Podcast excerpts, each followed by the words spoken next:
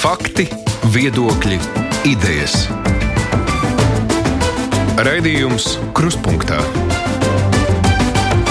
ar izpratni par būtisko. Studijā Mārija Ansona neatliekamās medicīnas palīdzības dienestam pēdējo nedēļu laikā ir papildus atbildība un slodze, kas saistīta ar jaunā vīrusu Covid-19 izplatību pasaulē, un arī Latvijā nu ir fiksēts pirmais saslimšanas gadījums. Bet kā tas ietekmē dienestu ikdienu un kāda kopumā ir situācija tur, par to mēs šodien iztaujāsim dienestu vadītāju Lienu Cipulu. Labdien! Labdien. Šeit ir arī žurnālisti Kristaps Feldmans no Latvijas radio ziņdienestas sveiks, Labdien. un Gats Suhaveckis no TV3 ziņdienestas sveiks. Um, runājot par vīrusu vakar, kad tika ziņots par pirmo gadījumu, tika uzsvērts, jā, ka sieviete nav inficējusies Latvijā, viņa ir atbraukusi, viņa ir bijusi Itālijā, bet tīri teorētiski vai vispār paspēlē kaut kādu iespēju konstatēt, ja kāds cilvēks ir inficējies šeit Latvijā no kāda nu, kurš varbūt nav pieteicies uh, neatliekamās medicīniskās palīdzības dienestam, vai NN tā speciālā dienesta brigāde, viņi vispār ņemtu analīzes kādam cilvēkam, kurš teiktu, man ir, es esmu ļoti slims, mm, bet es neesmu bijis nekur ārzemēs. Visām situācijām valstis jau no tā brīža, kad notikumi bija Uhaņā, reaģējot uz notikumiem, kā viņi attīstās, jo mēs saprotam, sākums arī Ķīnā nemaz tik lieli tie cipari nebija, kad par viņiem ziņoja, kad bija jau tādas ļoti lielas kaut kādas darbības. Un tad bija jautājums, tātad, kas ir tas pamatojums, jā, un tātad viņi jau bija novērojot šos notikumus, kas viņiem bija, sāka pieņemt striktus nosacījumus. Pārējā pasaule, protams, no tā visa, ko dara, mācās. Un arī uh, Priekš tam ir arī Pasaules veselības organizācijas, slimību profilaks kontrols centri visās uh, pasaules valstīs, un, un, un arī Eiropā ir uh, vēl starp institūcija lielā, kas apvieno. Tātad, uh, Visi izstrādā algoritmus atbilstoši riskiem.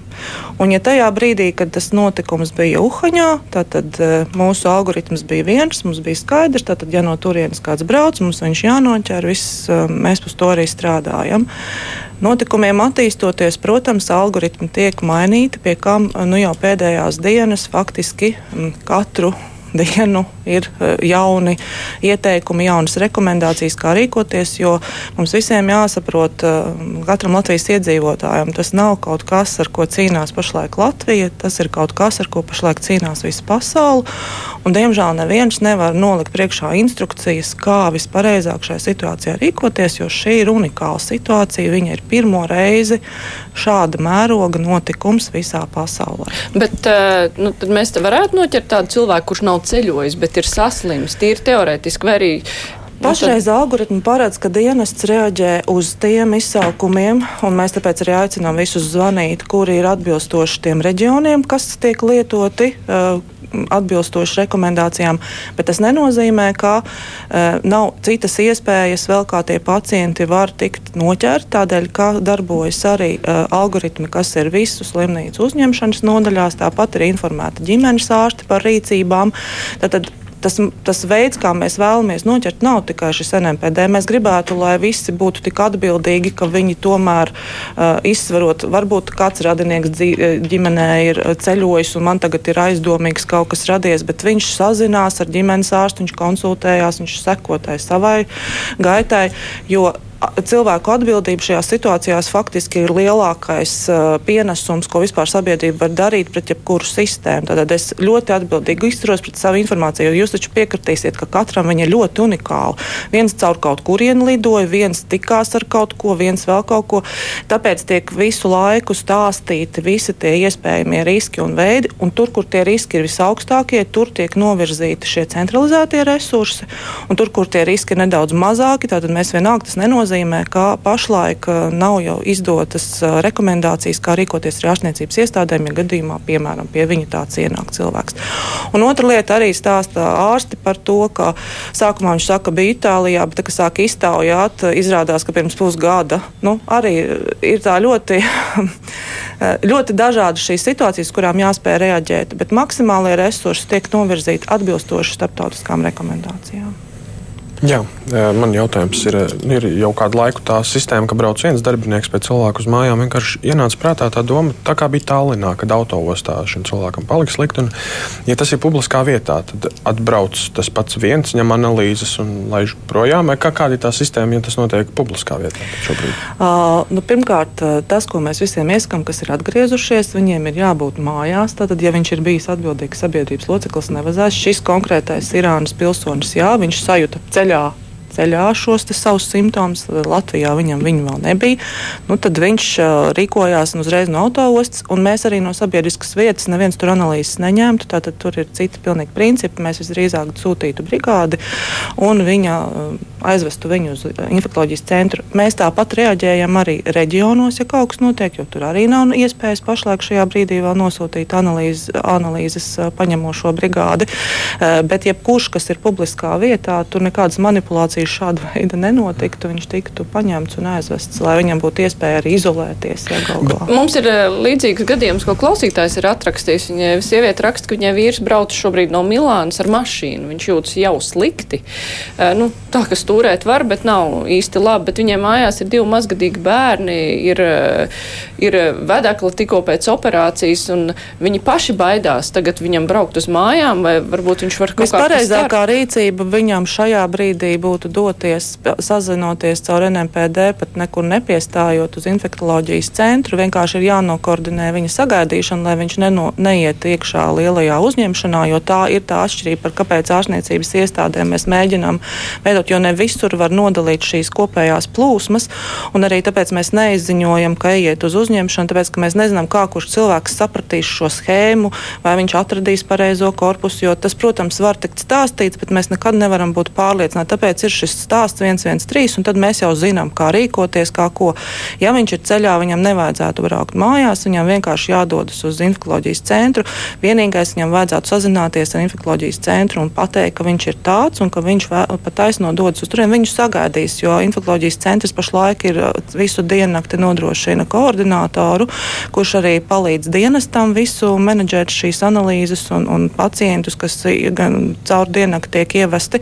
Tā kā principā droši viņš tādā veidā var risināt. Uz mājām nevajag braukt. Mm -hmm. Cik gatava jūsuprāt ir Latvija koronavīrusam?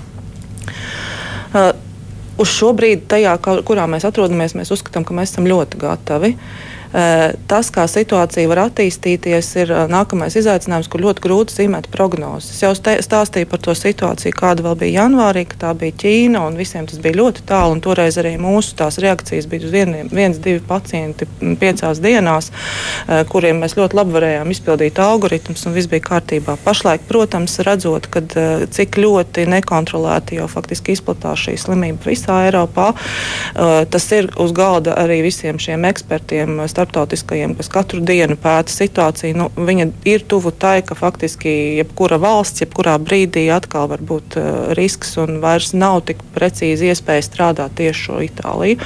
Jā, tas ir nākamais izaicinājums, kuram Latvija ļoti gatavojas, uh, jo iespējams, jā, ka arī Latvijā būs pirmie gadījumi, kad šeit tiks, jo šis ir importētais gadījums, kas pašlaik ir uh, konstatēts, bet uh, varbūt arī šī transmisija, kas var notikt, un, protams, arī varbūt situācija, uh, ko visi jau ir lasot, un arī mēs paši redzam, ka ir šie asimptomātiskie gadījumi, varbūt iespējas arī inkubācijas perioda laikā iespējams kaut ko nonest. Bet šeit ir jautājums par resursiem. E, ja, tad, ja mēs gribētu pārbaudīt visus Latvijas iedzīvotājus, kas ir ceļojuši un katru otro dienu, tāpēc ka pirmais tests var būt negatīvs, otrais jau var būt pozitīvs, e, tas nozīmē, ka tie ir nu, faktiski miljonus testi, kuri mums ir jāveic. Šādas kapacitātes nevar attīstīt neviens viens. Un, e, tāpēc ir ļoti precīzi mēģinājumi tos visriskantākos noķert. Bet tas nenozīmē, ka nedarbojas citi algoritmi un ka tā tad e, pie kaut kādām situācijām, e, pamanot noteiktus simptomus, ārsti jau tagad uzreiz liek aiz auss jābūt šīm aizdomām, sarkanai lampiņai, ka iespējams šis ir tas gadījums. Bet cik lielu resursu vispār šobrīd no dienesta tas prasa, vai tas kaut kā ietekmē jebkādu citu pacientu Uh, nē, uh, citu pacientu saņemšanu. neietekmē tādēļ, ka pašlaik ir, tāpēc jau mēs radījām šo iespēju nevis visus vadāt uz infekcijas centru, kas ņēma ļoti daudz uh, izsaukumā pavadīto laiku, kas no brigādi rāva nost no līnijas, varētu teikt, jo tā ģērbšanās, katreiz braukšana, pēc tam dekontaminācija un laiks, kuru mašīna nav lietojama, bija pārāk ilgs, mēs redzējām, ja tas kāps virs 15 izsaukumiem dienā, tad tas varētu sākt ietekmēt mūsu pamatfunkciju. E, lai tas tā nebūtu, tad tika radīts šis risinājums. Tas, kas pašlaik notiek no reģioniem, atbilstoši mēs vedam, vakar teiksim, tie bija trīs pacienti no dažādām reģionālām pilsētām. Tas nav tie trīs izsaukuma dienestam mūs neuztrauktu. Protams, ja tas attīstās tā, kā attīstās arī gripas saslimšana, ka tie ir vairāki tūkstoši katru gadu cilvēku, kas saslimst, un mēs nodarbojamies tikai ar smago pacientu teiksim, aprūpi. Mūsu etapā vispār viņi, mēs iesaistāmies ar tiem, kas, kam nepieciešama stacionēšana, jo daudz izslimo mājās. Arī šeit mēs jau sākam domāt par situāciju, ka ja šis attīstīsies līdzīgs scenārijs, tad tā būs infekcijas slimība, kas dažiem noritēs viegli, dažiem smagi. Visdrīzāk mēs visus nevedīsim, bet mums katru dienu ir jā, jābūvē nākamajām desmit dienām uh, plāns jauns, redzot šīs tendences, un viņas nepārtraukti tiek monitorētas. Nenoliedzami jāgatavojās arī tiem scenārijiem, ko mēs redzam citās valstīs, jo jebkas, jebkāds scenārijs var attīstīties, jo tā ir infekcijas slimība. Mēs nevaram katram cilvēkam paprasīt, kam tu vakar uzšķaudīji vai, vai kaut kādas tādas lietas. Tas patiešām ir infekcijas slimības, tāpēc arī viņas ir īpaši vienmēr izceltas visādos plānos un, un, un, un lietās, kā cilvēki tam gatavojās darbojās un kā mēģina pārvarēt šos izaicinājumus, viņi ļoti sarežģīti. Un neviens nevar pateikt pašreiz, piemēram, kā, kā tā situācija Latvijā būs pēc piecām dienām. Mums jābūt gataviem gan visus savus pasākumus veikt, gan arī tam, ka, ja kāds būs bijis, piemēram, nezinu, neapzinīgs, kaut kur aizgājis, vai ne tajā valstī bijis, kas pašlaik nav definīcijā, kas būs izkritis caur mūsu sietu, tāda, tāda iespēja pastāv un ar to ir jārēķinās gan veselības aprūpas sistēmai, gan sabiedrībai. Bet, jā, jūs jau minējāt par tiem reģioniem kas šobrīd joprojām vadīja šos cilvēkus. Tikai kā trīs, bet nu, ja tā ir kaut nezinu. Baltinava vai Jūrkāla, nu, kaut kādi šie tālie gali, tas jau tāpat ļoti daudz laika aizņem. Kad var gaidīt, kad varbūt līdzīga sistēma kā Rīgā, Pierīgā būs arī citur?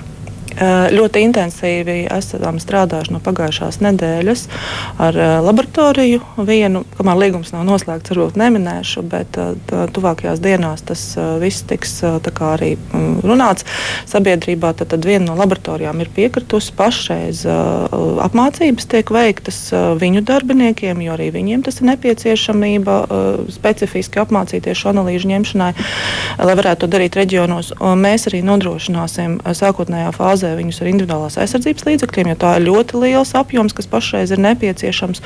Un, uh, viņš tiešām pieaug ārkārtīgā geometriskā progresijā, tāpēc dienests arī to darīs. Un visdrīzāk, kad ceturtdiena, piekdiena, tātad šis algoritms stāsies spēkā, kā arī reģionos tiks ņemtas analīzes un to realizēs laboratorija. Es ļoti ceru, ka mums viss šis algoritms labi strādās, jo tā ir informācijas apmaiņa, visa loģistika, visi pacientu dati, kas tur ļoti sarežģīti, jo tie spēlētāji būs tādi ienests ņems, pieņems izsaukumu, laboratorija veiks, pēc tam viņu līdz izpildīs. Tur ir ļoti sarežģīts process, bet mēs esam tuvu tam, lai viņu realizētu. Un, ja mums viss būs labi, es ceru, arī Rīgas reģionā, Rīga un Rīgas reģiona šī laboratorija spēs pārņemt eh, tikai tad, kad būs droši, droši kad šis process eh, labi strādā. Nu, tad mēs savukārt dienests eh, gatavosimies nākamajai fāzē, kad varētu jau būt nepieciešamība regulāri, piemēram, transportēt pacientus, ja gadījumā tā attīstība ir tā, kā tas redzams kopumā Eiropā. Par resursiem runājot, valdība tieši šodien lemj par papildu finansējumu piešķiršanu aptuveni diviem miljoniem, no tiem ap pusmiljons paredzēts neatliekamajai palīdzībai, kam jums ir vajadzīga papildu nauda? Tātad tie ir uh, individuālās aizsardzības līdzekļi uh, gadījumiem, kad uh, ir jādodas. Uh, un jātransportē šie smagie pacienti. Arī prognozējot apmēram pēc pašreizējām, nu, kā mēs redzam, citos, citās valstīs, kā situācija attīstās, pietiekoši liels ir patēriņš šiem aizsardzības līdzekļiem. Vēl tajā ir, skaitā ir iekļauti individuālās aizsardzības līdzekļi tieši pacientam, kur transportējās smagi. Tās ir kapsulas speciāls, kurās ievieto pacientus, lai, nu, ja viņš ir ļoti klepojošs, čaudošs, viņam nevar uzlikt masku, lai pasargātu. Mašīna ir slēgta telpa, tātad viņu ievieto kapsulā, kur, ar kuru ir iespēja arī pievadīt skābekli un visādas lietas. Tas, tas, tas mums līdz šim valstī nav tādas kapsulas iegādātas, un pašlaik dienestam viņas būs. Un tās ir tās pamatlietas individuālās aizsardzības līdzekļiem. Otra lieta arī runājot par valsts materiālajām rezervēm, arī tur nu, jāsaka, ka iepriekšējā laikā pret tādām epidēmijām neviens nemērīja šos daudzumus, kas ir nepieciešami. Un otrs ir ļoti svarīgi saprast, ka ja materiālās rezerves vairāk bija domāts dienestam un slimnīcām kaut kādiem noteiktu apdraudējumu novēršanai, tad, piemēram, primārās aprūpes praksēm, jeb ģimenes ārstu praksēm, nu, arī jūs saprotat, ja piemēram ienāk dienā trīs tādi pacienti vienā praksē, un ja uz katru ir jānomaina, tā ģimenes ārstu praksa nekad dzīvē nav gatavojušās. Tas ir jāsaprot, ka tā tas ir bijis. Līdz šim dienests pašreiz ir visu laiku spējīgs nodrošināt šos individuālās aizsardzības līdzekļus, jo mēs esam vienmēr turējuši noteiktam uh, izsaukumu daudzumam arī šos aizsardzības līdzekļus. Bet visā sistēmā, protams, un tas nav tikai arī Latvijas unikalitāte, visa Eiropa pašreiz kopā veiks iepirkumus un specifikācijas šo aizsardzības līdzekļu iegādēji un pasūtījumiem. Tad nevienā valstī nav tā, ka visiem ir pilni gaņķi ar visu, kas ir nepieciešams. Tā kā papildus finansējums, tāpēc, ka uz dienesta finansējuma fonda, protams, tas nevar notikt šāda apjoma papildus iegādes. Mums ir klausītājs piezvanījis. Halo! Labdien! Labdien. Sakiet, lūdzu, vai tās analīzes var, var bez maksas veikt, vai arī par naudu? Un, ja par naudu, tad cik tas maksā? Paldies! Mm -hmm.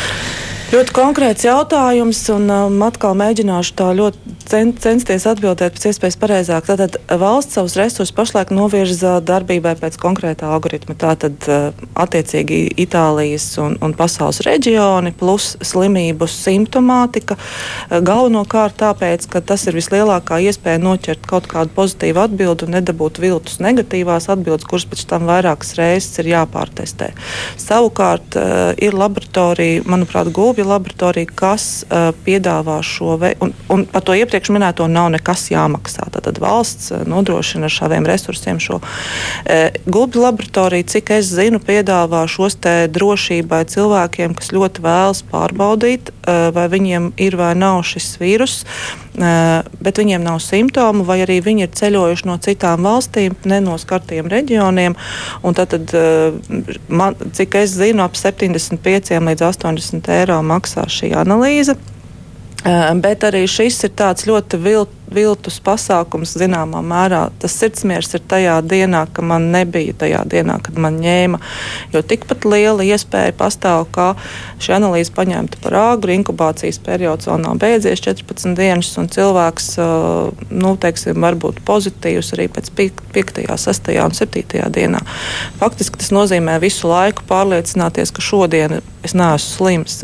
Varbūt tāda līdzība ar to pašu nu, gripu. Ja, ja kādam mājās ir gripa, nu, piemēram, un apstiprināta. Nu, visa ģimene neskrien uzreiz pārbaudīt, vai man arī nav gripa šodien, e, gaida kaut kādu brīdi, nu, tad, tad, vai es saslimšu vai neslimšu, tā tas tiek veikts. Tas ļoti, ļoti līdzīgs algoritms e, varētu būt arī šeit. Šeit tikai tā um, situācija ir tāda, ka šī saslimšana Covid-19 ir uh, pašā sākumā neizpētīta, un tāpēc viņai uh, faktiski netiek piešķirts šis nu, tāds. Uh, vīrusa status parastais, kamēr tas nav izpētīts, un tas ir ļoti saprotami. Viņš ir iedalīts sevišķi bīstamā slimību grupā.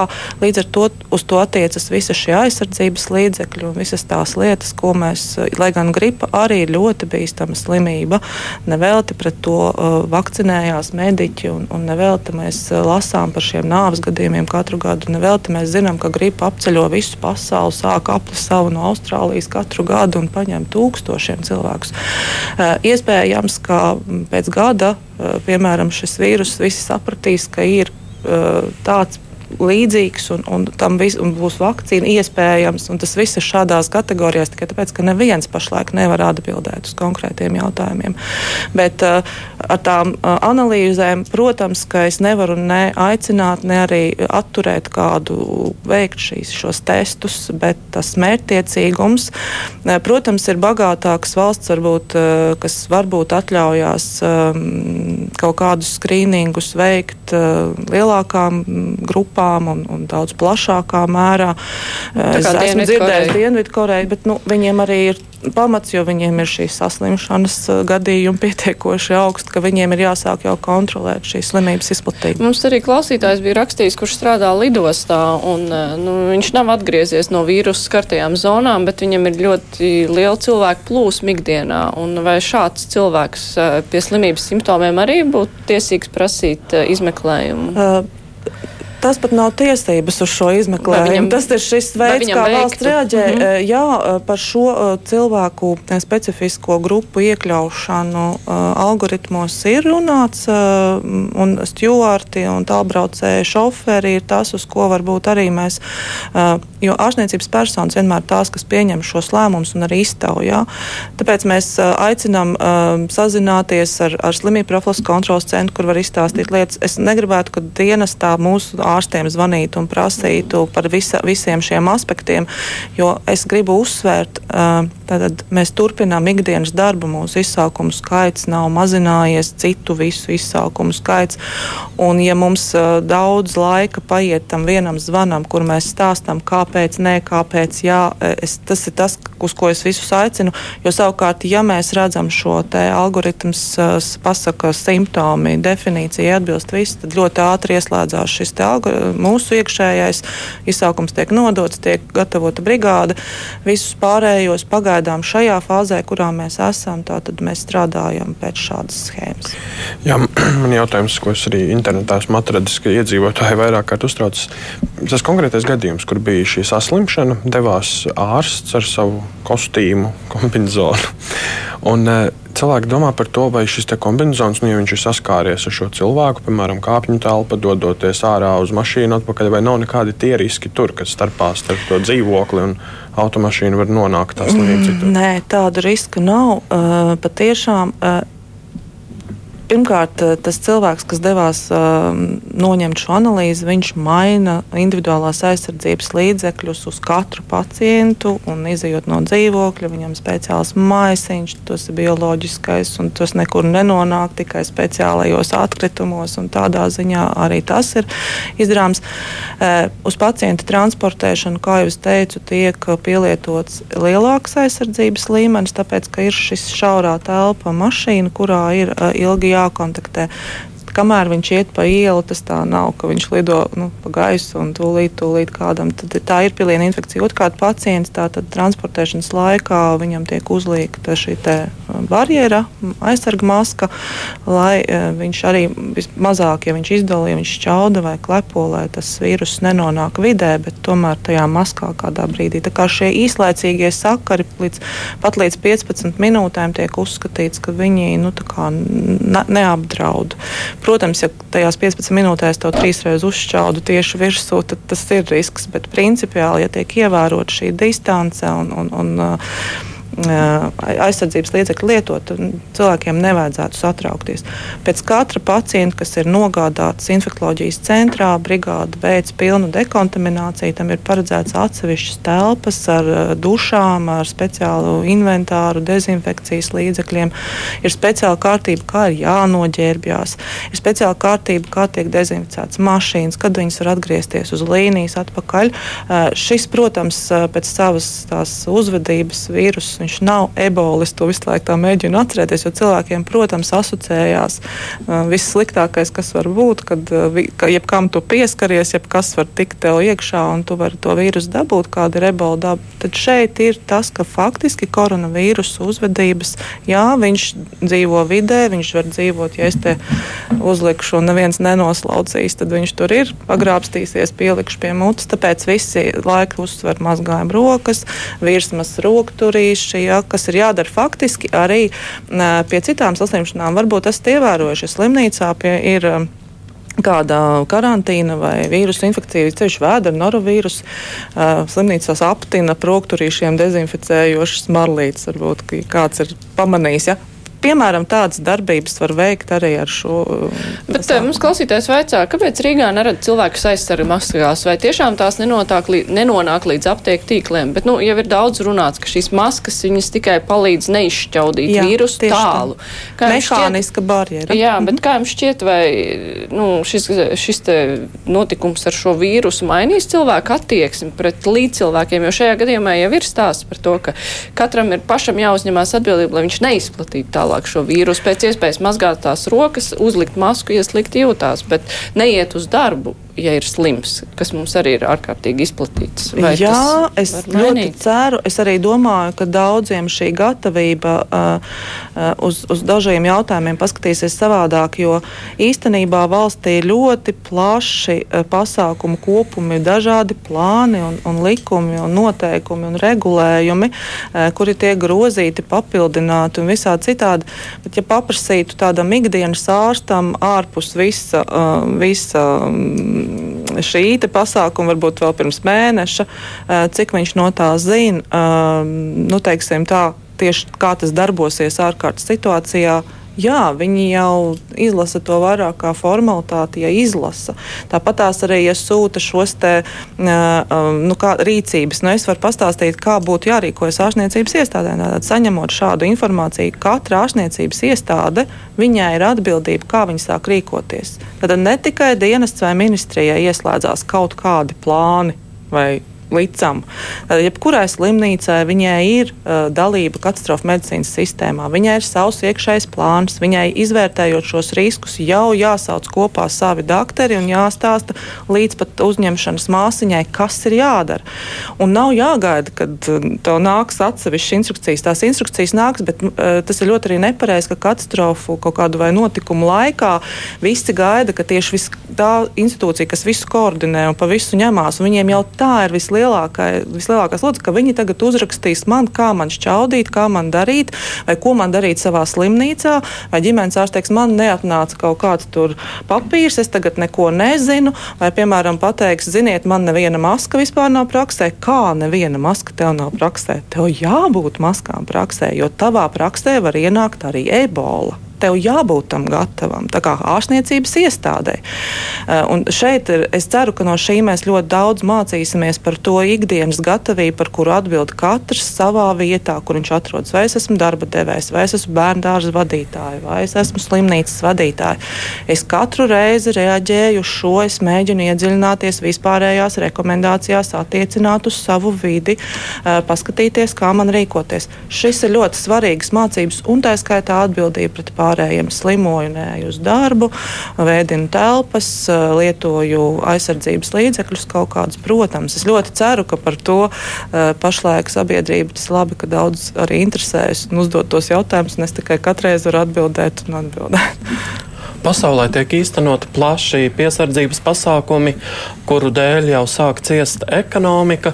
No jūsu skatu punkta, cik tie ir pamatoti šajā stadijā, ka tā ir uh, jauns vīrus, neizpētīts, jo ir cilvēki, kuri apšauba to, vai tas satraukums un reakcija tiešām nav pārspīlēta. Man arī grūti tās prognozes teikt, jo mēs šo vīrusu, nu, faktiski ne pat mēs viņu nepētām, pēta pasaules gudrākās galvas. Un ko viņi pateiks, un kāds būs verdikts, un kad viņš būs, mēs neviens nezinām. Tāpat laikā es pamēģināju modelēt situāciju, kā būtu, ja mums pašlaik uzrastos pirmo reizi mūžā gripa un uh, kā, tas, kā mēs pret to izturētos. Un tās sākotnējās hiperreakcijas ir ļoti normāls, normāla parādība. Un arī tā mierināšana, ko visi sagaida un ko cenšas kā, nu, no vienas puses uh, piekodina, no otras puses mierina. Tā ir tāda apjukuma situācija. Bet, uh, panikas, pama, panikai nav pamata, jo es arī šodien sanāksmē saviem cilvēkiem, kurus arī ļoti jāmotivē, teicu, Nu, mēs vienkārši šajā pasaulē pašlaik atrodamies. Mēs nevaram nekur no tā aizbraukt, vai mēs nevaram kaut ko. Mēs vienkārši esam šajā pasaulē, un pasaule ir globāla. Mēs nevaram aiztaisīt robežas un cerēt, ka neviens pa kaut kādiem sānu ceļiem, kā meža brālis, neienāks. Ne? E, mums ir ar to jārēķinās, un tāpēc vislabākais, ka mēs saglabājam šo vēso prātu, mēģinām ievērot to, ko mums saka, mēģinām vairāk uzņemties savu atbildību, nevis visu laiku gaidīt, kurš man pateiks, kā bija pareizi, jo īstenībā, jā, pašlaik mēs nezinām, kas ir pareizi. Uh, un es ļoti ceru, ka šis vīrus ir kaut kas tāds, ar kuru mēs sevi sagatavosim vēl kaut kam, varbūt, nezinu, pēc 50 gadiem būs tādi vīrusi, pa kuriem uh, mēs šodien uh, pat iedomāties nevaram. Jā, pasaule tāda ir. Uh, un tāpēc panikai vispār kā tādai nav, nav nekādas. Nu, tu panikot var tad, kad es nezinu. Šeit es neredzu pamatu, jo mēs pat nevaram nekur aizbēgt no šīs situācijas. Mēs esam šajā pasaulē, viņā visur apkārt pašlaik cirkulēs tūlīt jau šis vīrus. Un uh, mums ir jāiemācās tajā dzīvot. Es klausītājiem un Latvijas televīzijas skatītājiem atgādināšu, ka šodien mūsu studijā ir neatliekamās medicīniskās palīdzības dienesta vadītāja Liena Cipula, arī žurnālisti Kristaps Feldmans no Latvijas radio un Gats Suhovecks no TV3 ziņām. Raidījums Krustpunktā. Jā, bet es uzreiz ar klausītāju zvanu turpināšu. Halo! Labdien! Labdien. Man ir divi jautājumi, kurus es ātri mēģināšu uzdot.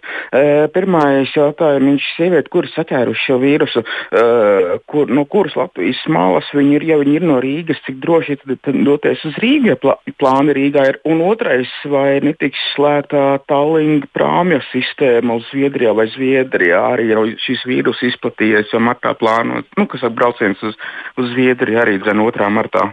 Nevis 2. bet marta 2. pusē. Mm -hmm. Um, pacienti ir no Rīgas, bet es gribu teikt, ka mēs vakar vedām no dažādiem reģioniem. Arī šodien notiek darbs, turpinās. Es nevaru pateikt, tad šodien tikos un tikos. Es varu pateikt, cik mums ir Covid pacienti konstatēts. Nezinu, vai piemēram mēs jau pašlaik nevedam no kādas Latvijas malas nākamo. To neviens nevar noprognozēt. Viņas bērnam ir otrais veikts analīzes. Es nevarēšu atbildēt par to procesu, kas pašlaik mhm. slimnīcā notiek, bet es tiešām skatos vairāk uz tos savu sadaļu tajā visā, bet uh, nav pašlaik tāda, ka mēs pateiktu, ka kaut kur ir ļoti droši vai kaut kur ir ļoti bīstami. Jā, bīstamāk, daudz bīstamāk ir Itālijā un iesaka neceļot uz turieni, tādēļ, ka tur tiešām šis vīrus izplatās no cilvēku uz cilvēku un daudz. Un, tātad, satikt šādu cilvēku Itālijā ir ļoti liela iespēja, tāpēc arī tiek aicināti neceļot. Jā, drošākā vieta iespējams pašlaik ir Dagdas novada viensētā, kur neviens nav braucis garām tuvākajās un neviens nav gājis uz veikalu. Bet es jau teicu, pasauli globāli mēs nevaram tā šodien pateikt par Rīgu un, un, un teikt, ka citur kaut kur ir ļoti droši. Klausītājs vēl jautāja, kāds būtu jūsu ieteikums, ja tuvākajā laikā plānots ar prāmi uz uh, Stokholmu? Stokholmu braukt? Ceļojuma ierobežojumi. Uh, globālajā Eiropā pašlaik nav nekādi īpašie. Uh, visi uh, ir atstāti rekomendāciju līmenī, kā arī visur tiek aicināts izvērtēt, vai, pat, vai brauciens ir ļoti svarīgs, vai viņš tiešām ir izklaides brauciens. Jo, jūs saprotiet, mēs nevaram pateikt, nebrauciet neviens nekur, ja jums tur ir biznesa, ja jums tur ir ģimene, ja jums tur ir nezinu, mācības, nu, to visu pārtraukt un nostupēt vienā dienā pasauli, kura griežās, nu, tas būtu diezgan tāds uh, pārāk liela. Mm, darbība. Bet, ja ir paredzēts izklaides brauciens, es, vēl, es gan iz, izvērtētu, vai tas būtu tas, kas tagad būtu jādara. Jo, jā, iespējams, šodien tā ir Itālija, bet rīt Zviedrijā varbūt ir tie 2000 pacientu. Ja mēs paskatāmies tā, kā izplatās gripa, nu, piemēram, salīdzinot, tad tie ir ļoti lieli tūkstoši, kas visu laiku saslimst kaut kur. Un, e, tāpēc varbūt labāk palikt mājās, ievērot šos visus nosacījumus, jā, jo, protams, pašlaik Latvijas ielās ir mazāk iespējamība satikt tādu pacientu nekā kaut kur citur Eiropā, kur ir daudz lielāks saslimušo skaits.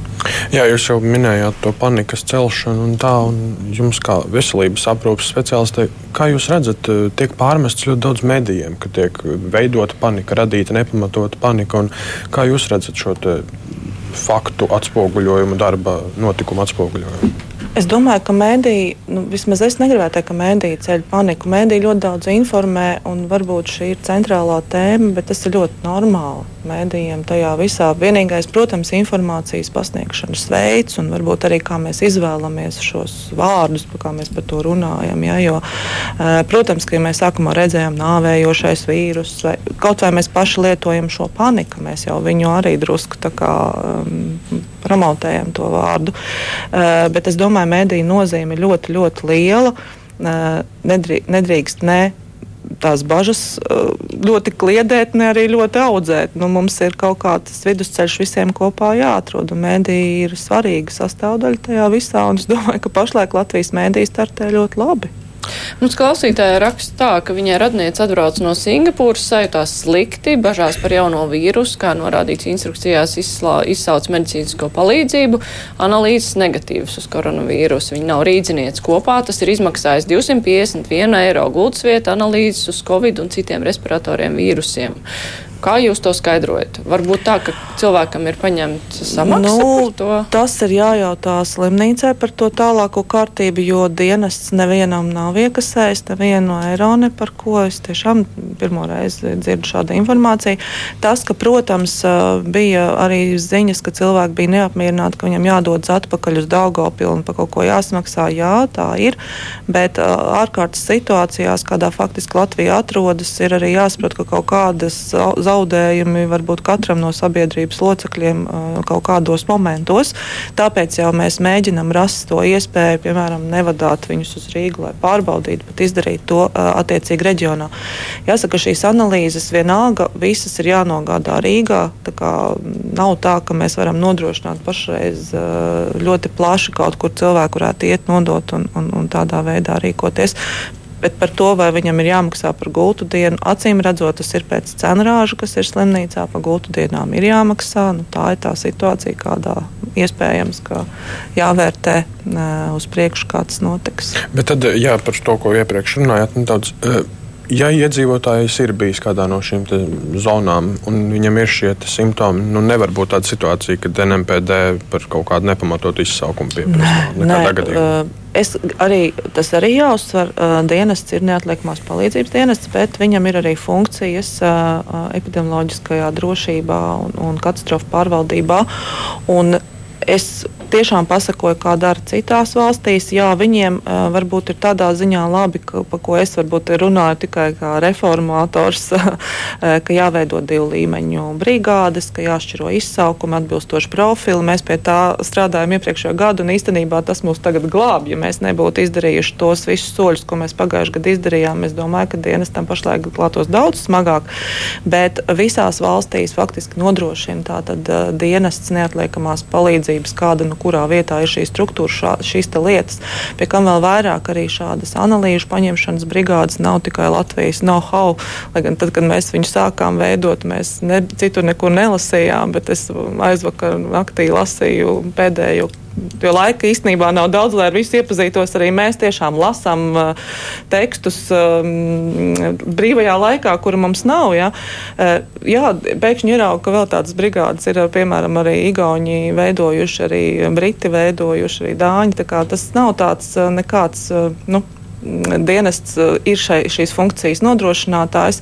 Un, protams, ka tas, uz ko mums būs jākoncentrējas pēc tam, būs šī pacienta pārdāšana, nevis tas, bet es jau esmu kaut kur laikam teikusi, un pašā laikā, kad atkārtojos, uh, dienests ir vienots, un mums ir ļoti ātri, mēs varam ieviest kaut kādus procesus ārkārtas situācijās, un tad pārējā sistēma piekārtojās, tad mēs atkal varam kaut kādas lietas nodot un gatavoties nākamajam, kam mums ir jābūt. Mums ir arī brīnišķīgi iespēja, jo mums ir laiks.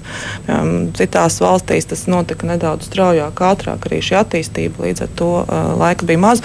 Un otra lieta, nu, Ķīna arī bija tās viņu rīcības, ne visiem bija tā ātri pieejamas, saprotamas, un tā, ka tur varētu izdarīt ļoti liels secinājums, ja sākotnēji varbūt. Tā kā nevienam naudu neņemsim, un to mēs darām, un tas ir jādara, tas ir sabiedrības interesēs.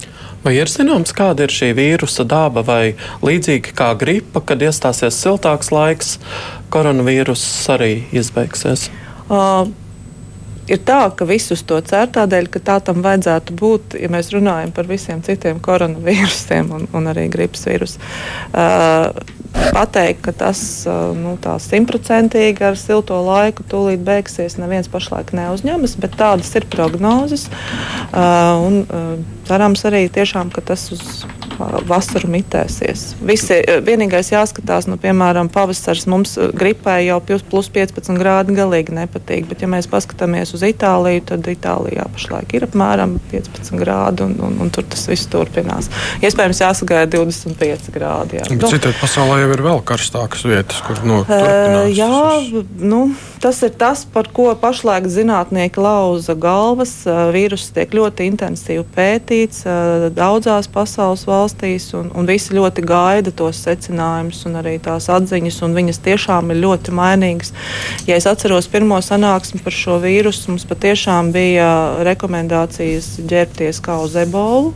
Tās bija pašas, pašas pirmās, un tad apmēram nedēļas laikā atnāca ziņas, ka tomēr uh, var samazināt drošības uh, apģērba līmeni. Uh, algoritmu, kuru mēs izstrādājām 23. janvārī, mēs esam grozījuši reizes deviņas. Uh, tas nepārtraukti tiek pielāgots aktuāliem datiem. Paklausāmies uzreiz divus klausītājus zvanus. Halo! Halo! Jā, klausos. Labdien, lūdzu, jūsu jautājums. Jā, es jautāju. Jau studijā? Jā, jūs esat ēterā. Jā, man jautājums ir. Jā, lūdzu, uzdodiet. Es klausos, klausos, ka tu runā vēl. Nē, jums ir jāuzdod jautājums tagad, citādi es sāku jau atslēgt. Ā, ā, vienkārši jūs uzdosiet jautājumu. Nē, nu, diemžēl nācās atslēgt. Labi, otrs zvans uzreiz. Halo!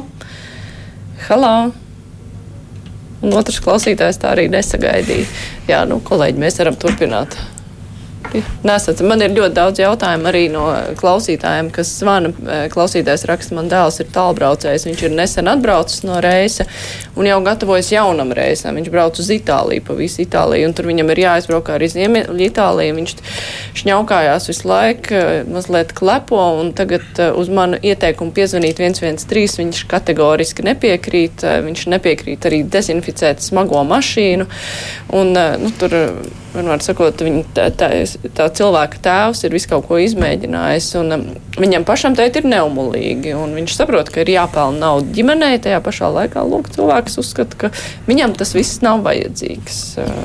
Nu, ja cilvēkam ir sociālās aizsardzības, visas lietas, kas ir darba ņēmējiem, tad viņam nevajadzētu būt tik iebilstošam pret to, ka viņam saslimšanas laikā ir jāpaliek mājās. Tas man, man vienmēr šis rada bāžas, ka cilvēkiem ir uh, vāja šī sociālā aizsardzība, tad viņi ļoti baidās ņemt slimības lapas, un tad uh, viņi faktiski tas ir tas galvenais iemesls, kas ir vēl viena problēma, kas tagad var parādīties. Paralēli viss jau nāk augšā, jo mēs viss vispār ir saistīts ļoti savstarpēji.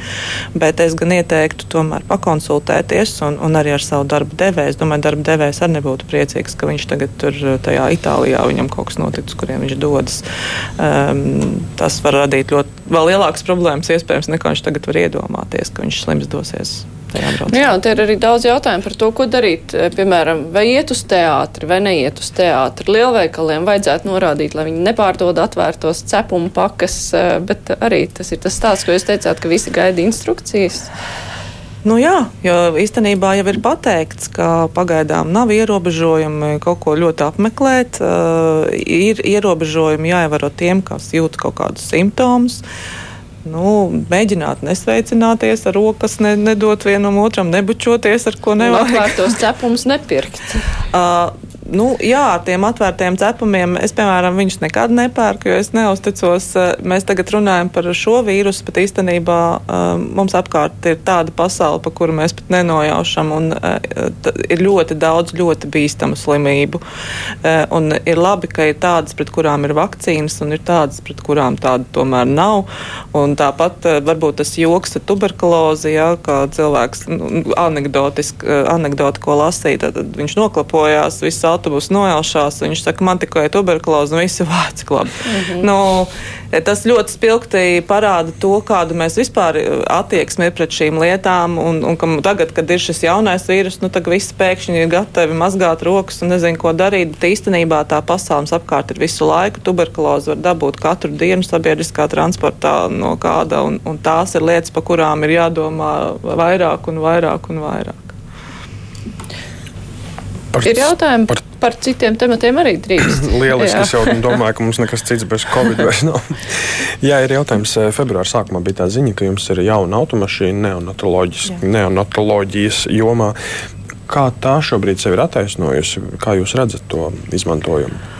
Viņa sevi ir ļoti, ļoti attaisnojusi, jo īstenībā e, iepriekšējā laikā mēs jau bijām uz e, jau padzīvojušas mašīnas, izveidojuši otru brigādi, tādēļ, ka šie izsaukumi vairs nebija realizējami ar vienu brigādi, kuru valsts bija, fakt, nu, mums bija iebudžetēta un, un, un kura bija pad, padomā.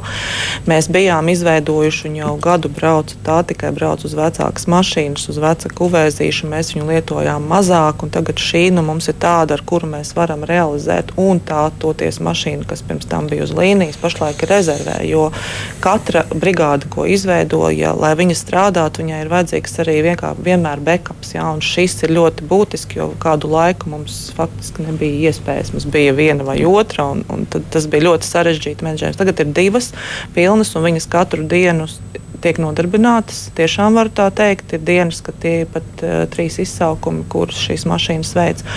Un ir jāsaprot, ka tie izsaukumi ļoti gari, jo, ja piemēram mums jāpārvada kāds bērniņš no liepājas, tad kamēr mēs saliekam uz brigādes visus uh, darbiniekus, kamēr viņi aizbrauc, kamēr slimnīcā viss notiek, lai sagatavotos transportēšanai, kamēr mēs attransportējam, tā ir vesela diena. Tas nav tāds izsaukums, kuru varbūt mēs varam izpildīt stundas vai divu laikā. Tāpēc šāds brigāžu skaits pašlaik, kādu mēs varam nodrošināt. Dievs dod, lai viņš mums pietiek, nav varbūt vēl vairāk šo transportēšanu, jo ņemot vērā, ka ir sarunas par dzemdību nodaļu, kaut kādiem plāniem attiecībā uz hospitalizācijas tīklu, varbūt šis izsaukuma skaits mums varētu būt arī lielāks. Jā, tas es gribēju to prasīt. Jūs teicāt, ka ļoti gari izsaukumi bāzējas Rīgā tās mašīnas. Jā, speciālais medicīnas centrs. Tas vienkārši, ko es gribu, gribu izprast to jautājumu. No Rīgā teorētiski, kurā nu, tas ir tuvāks ceļš līdz dzemdību namām, piemēram, Kādēļ nevarētu tās mašīnas novietot kaut kur, nezinu, tur Liepājas reģionā, Kurzemes reģionā, Latgales reģionā, un tad lai vismaz tas viens virziens nav jābrauc. Mašīna nav nekas, ja viņā nav personāla. Jā, attiec, nu, nepietiek arī. Un personāls fa, pašreiz, tā, tā ka tas Latvijā tiek organizēts, tātad šie visi dakteri ir strādājoši, maiņās esoši, dzemdību nama speciālisti, bērnu slimnīcas speciālisti, stradiņu speciālisti, kuri paralēli tam ir tādās telefona dežūrās un dodās tad, kad viņi ir vajadzīgi. Tā kā tas ir tāds personāls, ir tas, kāpēc mēs nevaram nolikt vienkārši nu, kaut ko tādu. Reģionos arī nepietiek. Protams, un reģioni viņi jau nodrošina, piemēram, savas nodaļas darbu. Viņi nevar, ka tas vienīgais ārsts, kurš šodien darbā, mm. tagad brauks uz Rīgu, kaut ko vedīs. Viņam ir jābūt tur uz vietas. Tāpēc šī sistēma ir tāda, ka tā ir Rīga, caur Rīgu un tālāk viņi brauc. Man ir jautājums savukārt par eh, paliatīvās aprūpas pacientiem. Ir gadījumi, kad um, paliatīvās aprūpas pacientam, nu, piemēram, nav šajā brīdī pieejams ģimenes ārsts, ja tā ir nedēļas nogala vai ģimenes ārsts nav sazvanāms. Un, uh, piemēram, sākas stipras sāpes vai neatliekamās medicīniskās palīdzības mediķi var palīdzēt.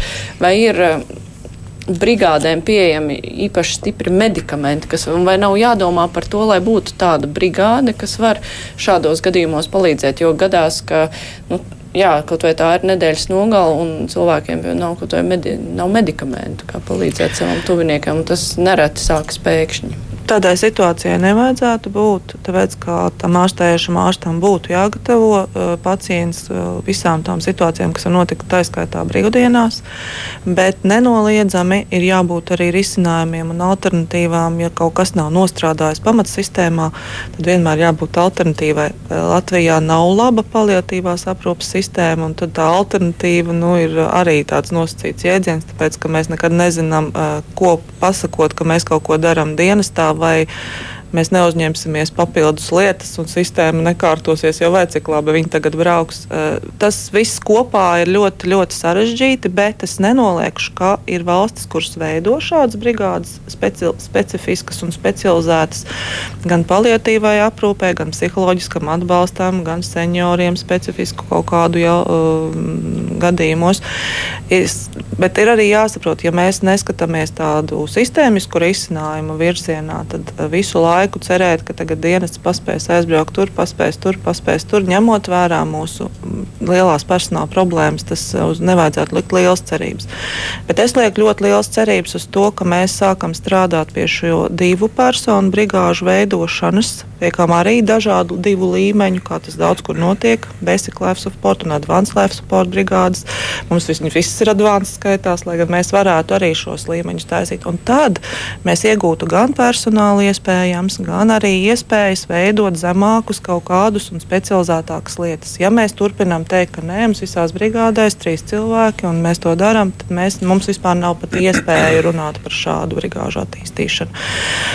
Es paskatīju, tikko ar Somas, Somas bija atbraucis uz Latviju, stāstīja par viņiem. Viņiem vispār nav šāda trīs cilvēku brigāža. Tieši tā arī ir, ka ir tādas, kas ir sagatavotas divas ārstniecības personas um, glābt dzīvības, un tad ir tādas, kur brauc. Uh, divas ārstniecības personas, bet viena ir augstāka līmeņa, viena zemāka, vai sagatavošanās līmenī esoša, vai studējošais. Viņi nodrošina ļoti dažādas šīs te nu, aizpilda tos robus veselības aprūpas sistēmā, un tādā veidā tas tiek risināts. Tas tiešām arī nav nekāds divritenis, kas jāizdomā. Mums vienkārši jārada šie līmeņi dienestā, un mēs varēsim arī domāt par tādām reformām un sistēmiskiem risinājumiem. Ja ir kāds ļoti īsts jautājums, mums Jā. ir divas minūtes. Kāda ir aktuālā situācija ar darba spēku dienestā savulaik, kad uh, aktīvi tika runāts par nepieciešamību palielināt mediķu algas likumā paredzētajā apjomā? Jūs brīdinājāt, ja nekas nemainīsies, draud iestāties krīze. Kā ir tagad? Ir kādi uzlabojumi vai? Es noteikti varu teikt, ka ir uzlabojumi attiecībā uz to, kā, pat, kā pa, paši darbinieki ir noreaģējuši piemēram uz šiem reformu pasākumiem un iesaistījušies. Tas ir devis ļoti plašu, plašas iespējas uh, nu, saturēt šo situāciju un neradīt krīzi. Otrs jāsaka, ka jā, šis atalgojuma palielinājums ir nostrādājis. Noteikti varu teikt, mums ir personāla mainība mazinājusies iepriekšējā gadā. Uh, kā, ja mēs iesim šo ceļu, ka paralēli un, un sakārtotība, protams, veidosies lielāka. Jo iepriekš, ja mēs runājām par tām pašām trīs cilvēku brigādēm, kuras mēs vienkārši nevarējām nokomplektēt, parādījās tukšas brigādes, kuras nebija uz līnijas, pārējām lielāka slodze. Pašlaik dienestā komplektējam ļoti labi. Jā, mums ir daudz riski, kas ir savādāk jāvada, bet uh, toties atkrīt šīs milzīgās slodzes, uh, šīs te, nu, mm, ne, izpa, izpilda izsaukumiem nu, un atalgojums arī darbinieki pašreiz uzskata, ka ja tā secīgi uzticoties eh, tiem procesiem, kas vēl ir ieplānoti, tas notiks, eh, nu, viņi priecīgi par to, kā pašlaik strādāties. Jā, mums savukārt ir eh, ļoti daudz klausītāju jautājumu, kas saistās ar koronavīrusu. Te ir gan satraukta vecāka vēstule par eh, BMX Eiropas kausa eh, posmiem, kas notiks marta beigās Veronā, kas netiek atcelts. Bet, nu, acīm redzot, ka arī šajos gadījumos ir, mēs ko varam darīt, tikai ir paši izvērtēt, piedalīties. Konsultēties var arī slimību profilaks kontrols centru, tur ir tāluņu numuri, es gan nevarēšu viņus nosaukt no galvas, bet uh, viņi tiešām individuāli individualizēti arī ir sportistu komandas konsultējuši un visādi mēģina uh, palīdzēt pieņemt nu jā, šos bet, lēmumus. Bet te ir vairāk satraukums par to, ka latvieši, kārtīgi latvieši, protams, šādus te brīdinājumus neuztver nopietni, un tāpēc, kas notiks tad, kad visi aizbrauks un pēc tam brauks atpakaļ, bet, nu, jā, šos globālos savukārt notikumus mēs, laikam, nevaram no šejienes ietekmēt. Atcels, atcels, neatcels, neatcels. Es saku paldies. Mūsu studijā šodien bija Liena Cipula, neatliekamās medicīniskās palīdzības dienesta vadītāja, arī žurnālisti Kristaps Feldmans, Latvijas radio Gats Suhaveckis no TV3 ziņām. Kruspunktā ar to arī izskan. Raidījumu producēja Evi Junām, studijā bija Mārija Ansona. Vislab! Fakti, viedokļi, idejas. Raidījums Kruspunkta ar izpratni par būtisko.